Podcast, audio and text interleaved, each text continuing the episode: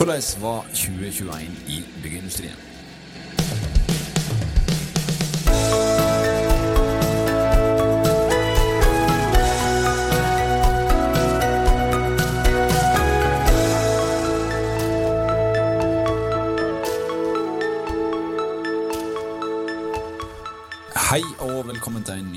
Episode av Byggeplassen, byggeindustrien og bygg.no sin podkast. I dag så skal vi faktisk prate litt om byggeindustrien og bygg.no, og noen av de sakene som vi har skrevet om i 2021. Jeg heter Frode Aga, og med meg her i studio så har jeg som vanlig Kristian Aarhus. Men i dag så har vi supplert podkastteamet med litt flere gjester. Vi skal høre fra journalistene som har skrevet mye av det som du har lest om på våre flater i 2021. Ja, for egentlig så hadde vi tenkt å starte med de mest leste sakene på bygg.no i år. Det kommer vi tilbake til, men for et par dager siden kom regjeringa med nye koronainnstramninger. Og da er det nesten umulig å ikke starte ballet fra et hjemmekontor et sted her i Norge. Så derfor har vi med oss uh, på Teams journalist Stefan Offegård. Og Stefan, du laga en reportasje i byggeindustrien som illustrerer den nye virkeligheten for mange. Du skrev om, om hjemmekontor og, og, hvilke muligheter det ga. Kan du fortelle oss litt om det? Jeg, jeg møtte Kristoffer Eide Hoen, som er analysesjef i Veidekke, og kona hans Hege. Eh, de var i gang med å flytte til sitt nye hus, som er rundt 1 12 time unna kontorene til Veidekke der Kristoffer jobbet hver dag før, uh, før korona. Han hadde aldri tenkt tanken engang på å flytte lenger bort fra jobben enn Bærum eller Asker. Det endret korona helt på. Og under pandemien hadde jo han, som så mange andre, hjemmekontor, og dermed fikk han også en mye mer fleksibel hverdag.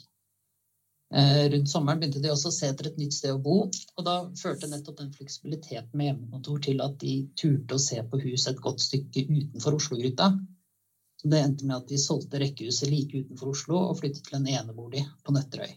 Eh, da fikk de større bolig, mye større hage, kort gangavstand til skole og barnehage, og til og med penger til overs. Og de pengene skal de bruke til å bygge ut huset da, med en ny del, nettopp til hjemmekontoret hans. Ja, jeg skjønner at det er fint for Kristoffer og familien hans, men det var fint for Veidekke òg, ikke sant? Ja, det fungerte for dem. Eh, de fikk til en avtale sammen eh, hvor han delte opp uken. da ved å jobbe noen dager hjemmefra, og så pendler han med tog de andre dagene. Så han og kona de beskriver den flyttingen her nærmest som et lite eventyr. Og det er et eventyr de ikke hadde fått til hvis det ikke var for, for hjemmekontor. Og så skal han bruke noen av pengene han sparer på å bygge ut. Eh, hva vil det egentlig ha å si for boligbygginga at så mange kanskje velger å ta hjemmekontor istedenfor å gå på et tradisjonelt kontorbygg? Ja, altså det, det, påvirker jo hvordan folk vil bo. Eh, det er flere undersøkelser som, viser, undersøkelser som viser det at eh, mange som jobber hjemmefra, vil ha mer plass. De ønsker flere rom når de skal kjøpe eller bygge bolig. Og Dermed er det også naturlig for mange å se på boliger utenfor bykjernen. Da. Eh, der er jo prisene mye mer overkommelige. Og det er tall fra Statistisk sentralbyrå som viser at det var rekordhøy utflytting fra Oslo i 2020, og den trenden er jo bare fortsatt i 2021. Vi snakket med Marianne Tønnesen om det, som er forsker i NIBR. Hun sier at hvis man ser på yrkene blant de som flytter, så er det en stor økning nettopp blant de som har mulighet for hjemmekontor. Hun påpekte at hjemmekontor gjør det enklere enn før å bo utenfor byen. Og i tillegg får du mer bolig for pengene. Det er den kombinasjonen da, som gjør at uh, veldig mange flytter. Men hva får det å si for boligprisene? Ja, altså Når flere byr på boliger uh, i utkanten, så øker jo prisene. Eh, Eiendom Norge har sett at boligprisene i satellittbyene har økt i takt med utflyttingen fra Oslo. Da vi skrev saken om Eidoen i oktober, så viste tallene at tolvmånedersveksten i Oslo var mye lavere enn både Drammen, og Romerike, Tønsberg og Færder og mange andre nærliggende kommuner. Da. Om det liksom er et resultat av at flere benytter mulighetene for hjemmekontor til å bosette seg lenger unna, det er jo eh, litt tidlig å si. Ann Henning Lauritzen i Eiendom Norge sier at det kan ha en effekt, men at urbanisering styres av veldig mange ulike faktorer. Nå har vi name-droppa mange her, men uh, hvis vi skal få et navn til inn her uh, Daværende kommunal- og moderniseringsminister Nikolai Astrup sa på byggedagene at pandemien var dødsstøtet for cellekontorer. Har det blitt det? Det er jo vanskelig å si, da, men det er vel helt klart at pandemien har ført til at mange nå ønsker seg mer fleksibilitet på jobb. Når man ikke er like mye på selve kontoret, så vil det jo også bli behov for mer fleksible kontorløsninger. Ellers vil man jo bare få mange kontorplasser som står der ubrukte. Og her i byggeindustrien så skal vi på flyttefot i 2022. Da er vel du en av de som sannsynligvis skal fra cellekontor og over i åpent landskap. Eh, Stefan, er det noe du gruer deg til? ja, nå kan vi ikke låse oss inne lenger. Nei, nei, jeg gruer meg ikke til det, altså. Vi har jo mye hjemmekontor, så da er det jo hyggelig å få sett hverandre mer og snakket sammen når vi først er på kontoret. Og det er jo lettere med åpent landskap. I tillegg tror jeg det er lavere terskel for å snakke om faget. da. For vår del så kan vi jo snakke mer om ja, titler og vinklinger og ulike prioriteringer. Jeg tror det blir bra, jeg. Ja. En av de mest omtalte sakene i 2021 har vært eh, ny vannforsyning eh, Oslo. Frode, hva er det Oslo bygger? Oslo kommune bygger en eh, ny reservevannsforsyning som skal være stor nok til å gi hele Oslo tilgang på rent drikkevann, og den skal være klar i 2028. Og prosjektet har også blitt omtalt som tidenes kostnadssprekk. Hva legger man i det? Ja, det har kosta veldig mye penger, da. Eh, det har blitt langt dyrere enn eh, det kommunen eh, forventa, og politikerne i kommunen forventa. Vi snakka om en ekstraregning på første del av prosjektet som ble fem milliarder kroner dyrere enn det som først var anslått. Fem milliarder kroner er mye penger. penger ja, det blir bråk av sånt. Og det har det blitt. Det har det blitt. Og eh, det er vel mange som husker at eh, historien fra i sommer da Lan Marie Berg måtte ta sin hatt og forlate eh, posten som byråd for miljø og samferdsel i Oslo.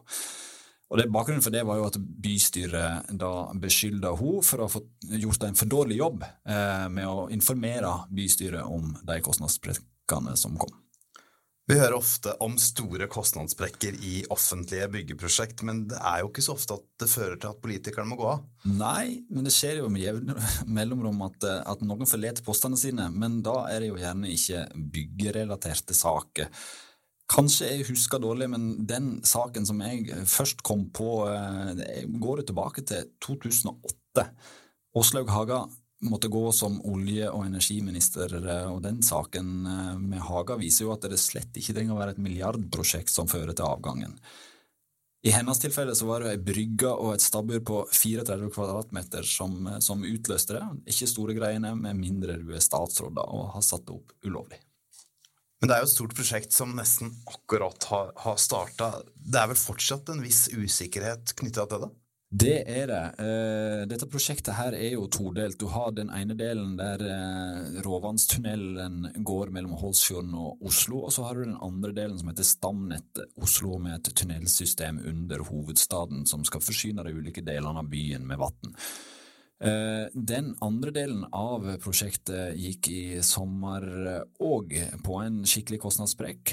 Her var det forventa eh, at prosjektet ville koste rundt to milliarder kroner, mens det nå ser an til å eh, ende på ni milliarder. Opposisjonen i byen har der sagt at de kanskje forventa enda mer. så om siste ord er sagt i dette prosjektet her, det er jeg usikker på. Usikkerhet har det også vært i byggevaremarkedet, og det har vi sett på bygg.no. For eh, Sindre Sverdrup Strand, du er en av journalistene i byggeindustrien, og du har skrevet om, om både priser og utfordringer knytta til egenskaper på produktene. Den mest leste saken vår, og flere av de mest leste i år på bygg.no, handler om den såkalte Royal-saken. Kan du fortelle litt om hva den går ut på? Eh, ja, royalimpregnert trekledning, en populær kledning i Norge har tidligere vært brannklassifisert i klasse D i produsentene sine ytelseserklæringer. I desember 2020 ble brannegenskapene endra til NPD, altså No Performance Declared, etter at uh, Direktoratet for byggkvalitet gjorde tilsyn i 2019. Det ble da kjent at det ikke var gjennomført nødvendige branntester av den royalbehandla uh, kledninga. Så alle produktene som selges i Norge, skal ha deklarerte brannegenskaper i ytelseserklæringa. Og nå hadde plutselig ikke de realimpregnerte kledningene det. Og I den tidlige fasen kunne man, kunne man da verken selge eller bruke de her produktene. Så det er kjernen i saken. Men i det siste så har det vært mindre snakk om, om den saken her. Hvor står den nå? Eh, nå eh, er det klart at royalimpregnerte kledninger kan brukes. Eh, alle tre produsentene av royaltre i Norge har testa produktene sine og deklarert eh, egenskapene til klasse E. Det har altså ikke en automatisk ståkarakter for bruk bo på bolig. I eh, veiledninga til TEK17 eh, er den dårligste preaksepterte ytelsen definert som klasse D. Men eh, samtidig, i funksjonskravet til, til TEK17 eh, står det ingenting om brannklassen. Og det som sies, er at materialene og produktene skal ha egenskaper som ikke gir uakseptable bidrag til brannutviklinga. Og eh, Direktoratet gjorde, også klart tidligere i år at realimprimert kledning kan brukes hvis utbyggeren kan vise til at funksjonskravet er oppfylt. Det er ikke utført noen justering eh, av kravene til utvendig kledning. Ja. Eh, så foreløpig må ansvarlig prosjekterende gjennomføre en såkalt fraviksanalyse i hvert eneste byggeprosjekt med rojaltre. Og I tillegg til en slik eh, justering, så venter vi også på resultatene fra et eh, tilsyn fra Direktoratet for byggkvalitet hos 70 produsenter av behandla trekledning som er gjort denne høsten. her. De resultatene kommer neste år. Men én ting er egenskapene. Prisene har jo engasjert nesten like mye. Og, og, på enkelte byggevarer har man nådd toppnivåer, og det var stor bekymring i bransjen for hvordan dette skulle ende. Hva var det egentlig som skjedde? Eh, ja, her har det også gått ganske hett for seg. Og um, årets byggevarepriser minner oss litt om at vi er en del av et større marked. Den eh, aller voldsomste veksten har vi sett på trelast, hvor prisene har økt med omtrent 60% fra 2020 til 2021. Da ifølge prognosesenteret. Og årsaken til det er ganske sammensatt, men veldig forenkla kan den summeres med to altfor velkjente K-er, klima og korona. Eh, klimaendringene har skapt gode vilkår for barkebiler både i Canada og Europa. Og I tillegg til det så har et varmere klima ført til flere og større skogbranner. Og alt dette skader tømmertilgangen. Eh, koronapandemien har også satt eh, fabrikker og transportårer eh, ut av spill i, i perioder. Og motkonjunkturtiltak og lave renter i de forskjellige landene har presset opp den internasjonale etterspørselen. Alt det sammen har drevet treprisen veldig opp. Men også, også prisen for andre byggevarer. Stål har f.eks. gått opp med rundt 30% fra 2020 til 2021. Og det var et ganske bra prisgalopp. Men nå har det jo snudd, og i det siste så virker det som at byggevarehusene nærmest har kappa om å sende ut pressemeldinger og, og, varsle at man har satt ned prisene. Har vi kommet tilbake til et normalnivå nå? Eh, treprisene er helt klart på vei ned. Eh, og ettersom det er et veldig tungt segment i byggevarehusene, betyr det også en generell prisnedgang. Men rapporter som vi har fått fra dem som overvåker prisbildet, eh, sier at de fleste andre byggevarer enn tre har økt i pris, også gjennom høsten. Hvis vi skal tro på prognosesenteret, er tilbøyelig til å gjøre det, så skal både treprisen og stålprisen ganske mye ned i 2022 også. Men de fleste er enige om at prisen da skal flate ut på et høyere nivå enn det vi vant til tidligere. Så vi er ferdig med prisgaloppen? Ja. Prognosene for 22 og 23 sier at vi lander på den nye normalen uh, i løpet av uh, neste år. Og selv om det er flott med dramatiske overskrifter og et brennhets nyhetsbilde for oss i pressen, så tror jeg nok næringa fortjener litt færre overraskelser i året som kommer. Flere bygg er blitt eh, ferdigstilt i løpet av året, og eh, i løpet av 2021 så har Oslo fått to nye kulturbygg. I høst så klipte Oslo kommune snora på Munch-museet, og noen måneder tidligere så hadde de ferdigstilt Nasjonalmuseet. Trond Joelsson, du er journalist i byggeindustrien. Du har skrevet fyldige saker om begge disse store prosjektene her. Nå kommer kanskje i skade for å si at Oslo kommune var byggherre for eh, Nasjonalmuseet òg, men det er det ikke. Der er staten som er inne. Men kan ikke du forklare oss eh, litt om Nasjonalmuseet? Hvordan er dette bygget blitt? Nasjonalmuseet har en fantastisk tomt vendt mot Rådhusplassen, med, med verneverdige stasjonsbygninger fra fra gamle Vestbanen foran seg. Eh, de første illustrasjonene så, så virka museet veldig massivt og ruvende. Det syns jeg nå det ikke har blitt, da, til tross for at det er nesten 55 000 kvadratmeter. Eh, det er jo et 130 meter langt rektangulært volum som ligger over en base av skifer. Og det ble kritisert for å være for lukket og uten vinduer. Men det mener jeg det er jo en, selvfølgelig en todelt årsak til. kunst og dagslys eh, fungerer dårlig sammen. Dessuten så er det også et sikkerhetsaspekt ved å minimere glasset i fasadene. Dette er jo ikke det første store kulturbygget som kom til Oslo de siste åra. Da operaen ble bygd i sin tid, så fikk Statsbygg en del kritikk rundt valget av italiensk marmor. I dette prosjektet så har en forsøkt å lage gull av norsk gråstein. Kan du fortelle oss litt, av, eh, litt om materialbruken i prosjektet? Ja, det er riktig. Det var en heftig debatt rundt eh, marmorbruken i operaen. Eh, hvis du tenker opera, så er det ofte italienske komponister og tekster, så sånn sett så kunne det jo vært en link. Men for et nasjonalmuseum, altså ordet nasjonal, så, så ville det jo skapt furore om noe annet enn norsk stein ville blitt brukt. Norsk natur og landskap er jo som et galleri i seg selv, så det var et naturlig valg å, å velge skifer fra Oppdal, både i fasader og på veggene inne. Ja, og hva var formålet med Oppdalsskiferen, da? Jo, det var viktig for arkitekten at, eh, at, den skulle minne oss om norsk identitet. Det er jo en skifer som er lagdelt kvart, kvartsittskifer, og den skal visst være ekstremt hard og slitesterk. Eh, på avstand så virker den kanskje noe grå anonym, men på nært hold så avslører, avslører, den rike detaljer og variasjoner. Det er jo brukt hele 26 000 kvadratmeter på fasader og på takflatene. Men også materialer fra utlandet, tysk eik på gulvene i utstillingsarealer, og tysk kalkstein og portugisisk marmor på gulv og vegger. En ting som det har vært mye diskusjon rundt, er jo den såkalte lyshallen. Fortell, eh, fortell, oss litt om hva slags utfordringer Statsbygg møtte på her, da. Det var store utfordringer. Den het jo først Alabasthallen fordi det skulle være kledd i alabast. Men da må jeg spørre deg, hva i all verden er alabast? Ja, Det kan du spørre om. Nå har jeg ikke noe jeg hadde ikke alabast som eh, valgfritt på i åttende klasse. Nei, ikke jeg heller, må innrømme. Men det skal være en tett, gjennomsiktig marmorert gipstype. Eh, men det materialet det viste seg å være for skjørt og ga også et gulaktig lys, som selvfølgelig ikke var bra for kunsten på innsida. Så da måtte de tenke nytt? De måtte tenke nytt, og da dukka det opp en variant med resirkulert glass. Men en prøvebygging som ble satt opp utenfor eh, München, det var 15 kvadratmeter, den avslørte at glasset krakelerte i løpet av en varm sommer.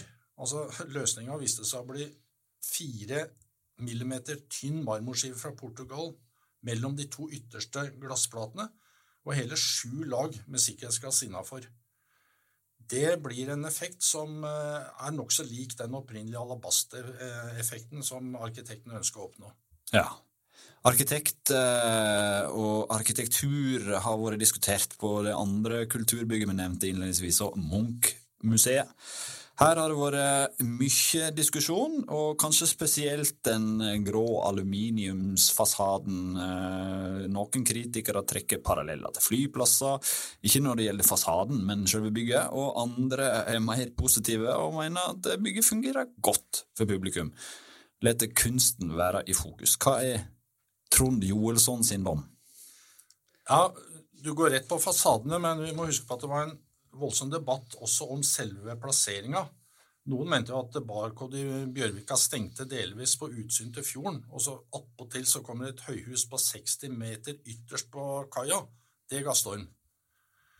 Eh, nå kan du si at eh, du har rett i at det var mange som reagerte på at bygget fremstår annerledes enn slik det var på tegningene som ble presentert i flere år, da med glass i store deler av fasaden. Det var også en kritiker som brukte uttrykket estetisk forsøpling. Mm. Men resultatet det var ikke noe forsøk på å lure publikum. Det var presentert på en mockup som sto plassert på Sukkerbiten, altså tomta ved siden av, i flere år. Det var åpent for alle som ville. De kunne komme og se. En mockup, det er altså en, en, en, modell i én-til-én-størrelse som ble stående ute for å se hvordan, uh, hvordan effekten var, hvordan han reagerte i, uh, i, vær og vind og forskjellige typer sol. Mm. Og hva er det som først og fremst karakteriserer dette bygget? Selve signaturen i bygget det er jo den karakteristiske knekken i de tre øverste etasjene mot vest. Og den Eh, knekken, den betyr noe. Ja, ifølge arkitekten så skulle det illudere da Munchs eh, høflige bukk, eh, en, en eh, hilsen og en takk til byen, som vel ikke behandla han så veldig godt de åra han virka og var i live. Men de fasadene, altså det er jo perforerte sinusforma aluminiumsplater som er både en solskjerming og en værhud. Men det har fått litt kritikk, de. De har fått kritikk eh, tror- Autovern, er ikke det det de sier? De ble kalt autovern, ja. Det var jo ikke en pen, eh, et pent kallenavn, men sånn er det nå engang, da. Så, men heldigvis så, så er det jo meninger og diskusjoner rundt et sånt bygg, og det syns jeg det bør være. Likegyldighet til arkitektur i det offentlige rom vitner ikke om engasjement og kjærlighet til byen, altså som, som her er Oslo. Men eh, ut fra de besøkstallene som er skyhøye, så er folk i hvert fall nysgjerrige, da. Det er det ingen tvil om. Og hele området der nede trekker jo folk. Det, vi har jo nevnt operaen eh, flere ganger, og så har det gått slag i slag der nede med nybygg etter nybygg. og kan du ikke si litt, du har jo sett dette her på nært hold over mange år, Trond. og Den transformasjonen som har vært helt enorm i Bjørvika, hvordan vil du beskrive den? Nei, du trenger jo ikke å gå tilbake mer enn 20 år i tid. Så var, eh, så var her nede bare en trafikkmaskin med E18 som gikk i dagen, og til dels falleferdig bygningsmasse. Eh, Det var veldig få som hadde lyst til å være der nede over lengre tid. Men nå er jo Bjørvika et av de mest attraktive områdene i Oslo, med skyhøye leiepriser. Mye av den, altså i tillegg da til offentlige myndigheter, må jo nevnes pionerene i Oslo S-utvikling, som tok sjansen på å starte utvikling av Barcode tidlig på 2000-tallet. Byutvikling i Bjørvika er én ting, en annen ting er alle de anleggsprosjektene som er i gang eh, i Norge, og spesielt rundt hovedstaden skjer det mye. Eh, der er det seks store prosjekt som er på gang. To av dem har du, Svanhild Blakstad, journalist, du òg, eh, besøkt i løpet av året som har gått. Ett Et av dem heter E18 Vestkorridoren. Fortell oss litt om hva gjør her. Ja, E18 Vestkorridoren det er jo et nytt eh, hovedveisystem som skal gå mellom Lysaker i Bærum og Drengsrud i Asker. Og det skal erstatte dagens E18-strekning, som er en av landets mest trafikkerte veistrekninger. Eh, Da vi besøkte prosjektet i september, så var vi med byggherre Statens vegvesen inn på anleggsområdet for å se hvordan det så ut eh, etter at de hadde revet mm, ja, bortimot 140 bygninger. Det var alt fra garasjer og dokkehus til boliger og næringsbygg, som var nødvendig for å få plass til den nye veien. Dette er det første del av prosjektet. Hvor mange delprosjekter er det snakk om? Ja, Det er snakk om tre delstrekninger på til sammen 17,5 km. Og den strekninga som nå er godt i gang, og som vi besøkte, den er på 4,5 km og går fra Lysaker til Ramstadsletta. Hva slags kostnader og tidshorisont snakker vi om da? Ja, si det. Det er ingen som veit. Nei, ja, det, det blir spennende når det blir ferdig. Men eh, når det gjelder den første delstrekninga, så er den beregna til 17,5 milliard, og den er forventa ferdigstilt i 2028-2029. Men hele strekninga ut til Asker den er estimert til 40 milliarder, men når det blir realisert og hva sluttsummen blir, det er nok litt mer eh, usikkert. Og det er kanskje litt symptomatisk at prosjektlederen i Statens vegvesen, han er jo sjøl 54 år, han sa jo at eh, han eh, trodde nok at han kom til å gå av med pensjon eh, lenge før prosjektet var ferdig. Det tviler jeg ikke på. Eh, Det blir eh, planlagt flere tunneler i dette prosjektet. Hvordan eh, løser de dette? Ja, det er flere tunneler i prosjektet, og den første er Høviktunnelen på to kilometer, som kommer på første delstrekning. På den andre strekninga så blir det fire kilometer under Sandvika.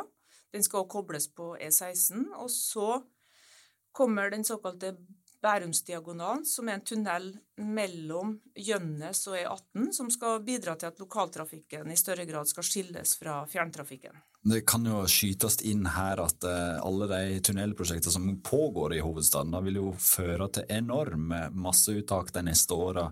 En snakker eh, både på dette prosjektet her og vannforsyningen og, og flere andre anleggsprosjekt på, på et bruttouttak på rundt 25 millioner kubikkmeter masse. Og det er masse. Men eh, et annet prosjekt som det du har, har besøkt i år, heter Fornebubanen, og det òg vil bidra til den massehåndteringen der. Fortell litt om, eh, om, det, for det er jo første, eh, eller den største T-baneutbyggingen i Norge, dette siden 1960- og 70-tallet. Eh, ja, det, det, er faktisk 100 år siden at de første planene om en forstadsbane ut til Fornebu ble, ble, lansert, så man har, jo, man har, jo, holdt på en stund. Eh, her kom anleggsarbeidet i gang i eh, høsten 2020, og Status nå er at det blir jobba parallelt på flere områder, bl.a. med spunting, utgraving og sprenging av byggegrop eh, på det som skal bli Fornebu stasjon og base. Og så pågår det forberedende arbeid der det kommer nye stasjoner, og man er godt i gang med tunneldriving på en av sidetunnelene. Og hvor lang blir denne banen her, da? Ja, Den blir på vel åtte kilometer, og den skal gå fra Majorstua og ut til, Fornebu. Og det blir jo bygd seks helt nye stasjoner. Og den traseen her vil jo knytte Fornebu-området sammen med Oslos øvrige T-banenettverk. Og så blir det mye historie som forsvinner. Eh, den gamle flyplassområdet her har hatt mye spennende by på både over og under bakken. Ja, absolutt. Eh, det er jo 76 000 kvadratmeter med bygningsmasse som har blitt jevna med jorda på det som heter Koksa-området. Eh, I sin tid så var det 5000 arbeidsplasser her som var knytta til flyplassen. Da vi var på prosjektet i april, så sto det igjen en stor hangar og rester av en annen. Og vi var så heldige at vi fikk være med ned under bakken. og inn bak noen tjukke jerndører så kom vi inn i et stort tilfluktsrom som var delt inn i 15-16 eh, større og mindre rom. Her hadde det vært underjordiske skytebaner og andre rom som var knytta sammen av kjellerganger og kulverter. Og det var masse synlige tegn da, fra at det har vært flyplass her. Vi så et gammelt SAS-skilt, det var røkning, forbudt-skilt og plakater og andre effekter da, som, eh, som vitner om den historien som har vært der, som nå må vike plassen for ny og viktig infrastruktur. Og når er det vi tar T-banen for første gang fra Fornebu til Majorstua? da? Ja, den skal stå ferdig i 2027, og da er det faktisk nesten 30 år siden siste takeoff på, på gamle Fornebu lufthavn, så man kan vel si at det har tatt nesten en mannsalder, eller kvinnealder om man vil, eh, fra flyplassen ble lagt ned til den nye Fornebubanen kan gå på skinner. Om alle prosjekter går på skinner i 2022 vites ikke, men vi er tilbake med nye episoder av Byggeplassen på nyåret. Takk til alle journalistene som var med oss her i studio og på Teams i dag. Takk til dere som lytter på. God jul og godt nyttår.